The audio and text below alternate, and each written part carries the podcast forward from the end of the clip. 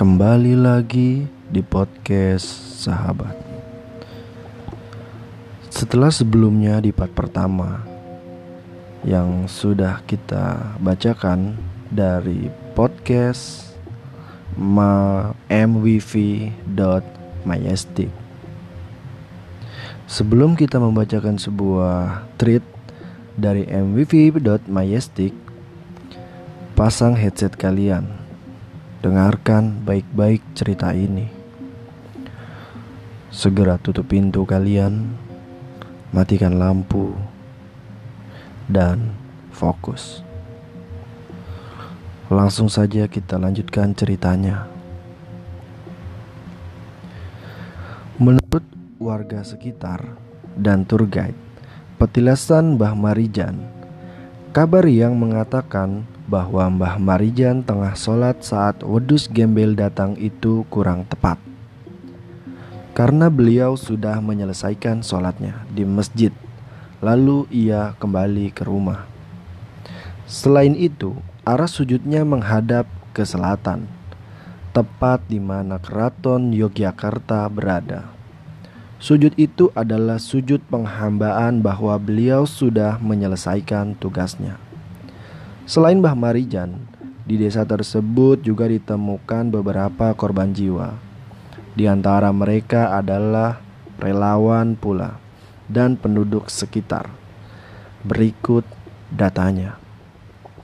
Parno, pria warga dusun Kinaharjo. Yang kedua, Yuniawan Wahyu Nugroho. Pria, wartawan Viva News. 3. Sipon, wanita, warga dusun Kinaharjo. 4. Wahono, pria, relawan Lereng Merapi. 5. Tutur Prianto, pria, relawan PMI. 6. Imam Pria warga Kinarjo 7. Mukiman Pria warga Kinarjo Kedelapan Nyonya Puji Sasono Wanita warga Kinarjo 9. Barno Utama Pria warga Kinarjo Detik.com dalam satu artikelnya menggambarkan bagaimana kondisi rumah Mbah Marijan dan dusun Kinarjo pasca kejadian. Pantauan reporter detik.com di lokasi Kamis 28 bulan Oktober 2010 Terlihat pemandangan yang membuat bergidik Batang pohon-pohon kering tanpa daun Bertumbuhan dan bertumbangan dan bangunan rumah warga yang roboh rata dengan tanah. Hanya sebagian kecil rumah yang temboknya tersisa. Salah satunya rumah tempat tinggal Mbah Marijan, sang juru kunci Gunung Merapi. Bagian atap rumah Mbah Marijan sudah roboh. Hanya beberapa tembok saja yang masih utuh. Saat memasuki ruang tamu rumah Mbah Marijan, ada sebuah televisi 14 inch dalam kondisi meleleh. Di dekat televisi tersebut ada seperangkat kursi tamu yang terbuat dari kayu. Semua kursi-kursi itu dalam keadaan rusak. Di sebelahnya ada sebuah figura yang tertutup debu. Setelah ditiup, terlihat ada foto Mbah Marijan dengan petinju Chris John serta lima orang lainnya sedang berpose dengan latar belakang Gunung Merapi. Di dalam foto itu, Mbah Marijan mengenakan kemeja lengan panjang berwarna hitam lengkap dengan pecinya. Sedangkan Chris John mengenakan kaos merah lengan puntung. Berjalan sedikit ke sebuah ruang lainnya di rumah ikon Kuku Bima Energi itu, tampak ada lemari yang ambruk ke lantai. Kemudian dari ruang ini juga tampak dapur rumah sudah berserakan dengan piring-piring, baskom dan panci. Semua peralatan dapur itu tertimbun pasir.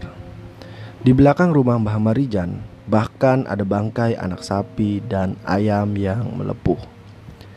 Di depannya ada sebuah mobil Suzuki EPV yang sudah dalam keadaan rusak parah dengan ban mobil yang melepuh. Diduga mobil ini adalah mobil yang hendak digunakan untuk menyelamatkan Mbah Marijan dari semburan awan panas.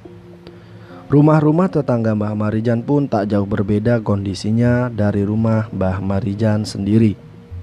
Hancur, roboh, rusak, berantakan, dan tertutup pasir. Bangkai-bangkai ternak sapi, ayam, anjing ditemukan di belakang rumah tetangga Mbah Marijan. Kondisinya pun serupa dengan ternak Mbah Marijan yang sudah melepuh. Sebagian lagi terlihat tulang belulangnya. Untuk mengenang Mbah Marijan beserta dua orang yang menjemputnya, kini di lokasi bekas rumah Mbah Marijan didirikan semacam museum mini. Di dalamnya ada berbagai macam peralatan rumah bekas almarhum Mbah Marijan. Terpampang pula foto tutur Prianto dan Yuniawan Wahyu. Dengan keterangan ini, waktu dimulainya erupsi hingga keduanya wafat ketika mencoba menjemput sang juru kunci. Selain itu juga tempat di lokasi ditemukan jasad Mbah Marijan dirikan sebuah petilasan. Bentuknya memang menyerupai sebuah makam. Namun sejatinya jenazah Mbah Marijan tidak dikuburkan di sana. Petilasan itu hanya sebagai penanda lokasi akhir hayat beliau.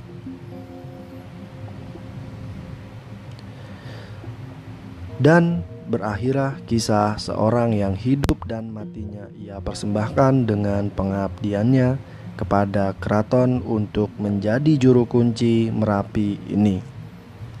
Sosoknya yang nyentrik dan khas membuat orang selalu ingat dengannya. Bah Marijan, Roso. Tamat. Referensi Keterangan tour guide di lokasi saat penulis berkunjung ke petilasan Bah Marijan. Wah, emang penuh dengan misteri banget sih ya. Kenapa pada saat itu Mbah Marijan gak mau dievakuasi? Kata sang juru kuncinya sih, Mbah Marijan emang pengen mengabdikan hidupnya untuk menjaga sang gunung Merapi. Ya, semoga aja Mbah Marijan amal-amalnya diterima oleh Allah Subhanahu wa taala dan diberikan tempat yang semestinya yang baik di sisi Allah. Semoga dengan kejadian seperti ini kita harus menjaga alam kita agar alam tidak marah terhadap tanah air kita.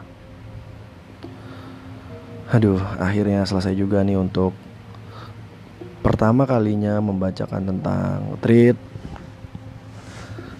semoga next uh, aku bakal bacain tentang treat-treat lainnya bervariasi nggak cuma horor tapi fun ataupun yang sedang berkembang di kisah masyarakat. Oke, thank you. Jangan lupa follow, ikutin terus. Siapa tahu menghibur untuk kalian semua dan jangan lupa uh, eh, gue punya channel YouTube namanya Indra Fahuroji nama sendiri uh, jangan lupa di follow ya di subrek subrek. Oke sekian. Selamat malam. Assalamualaikum warahmatullahi wabarakatuh. Sekian dan terima kasih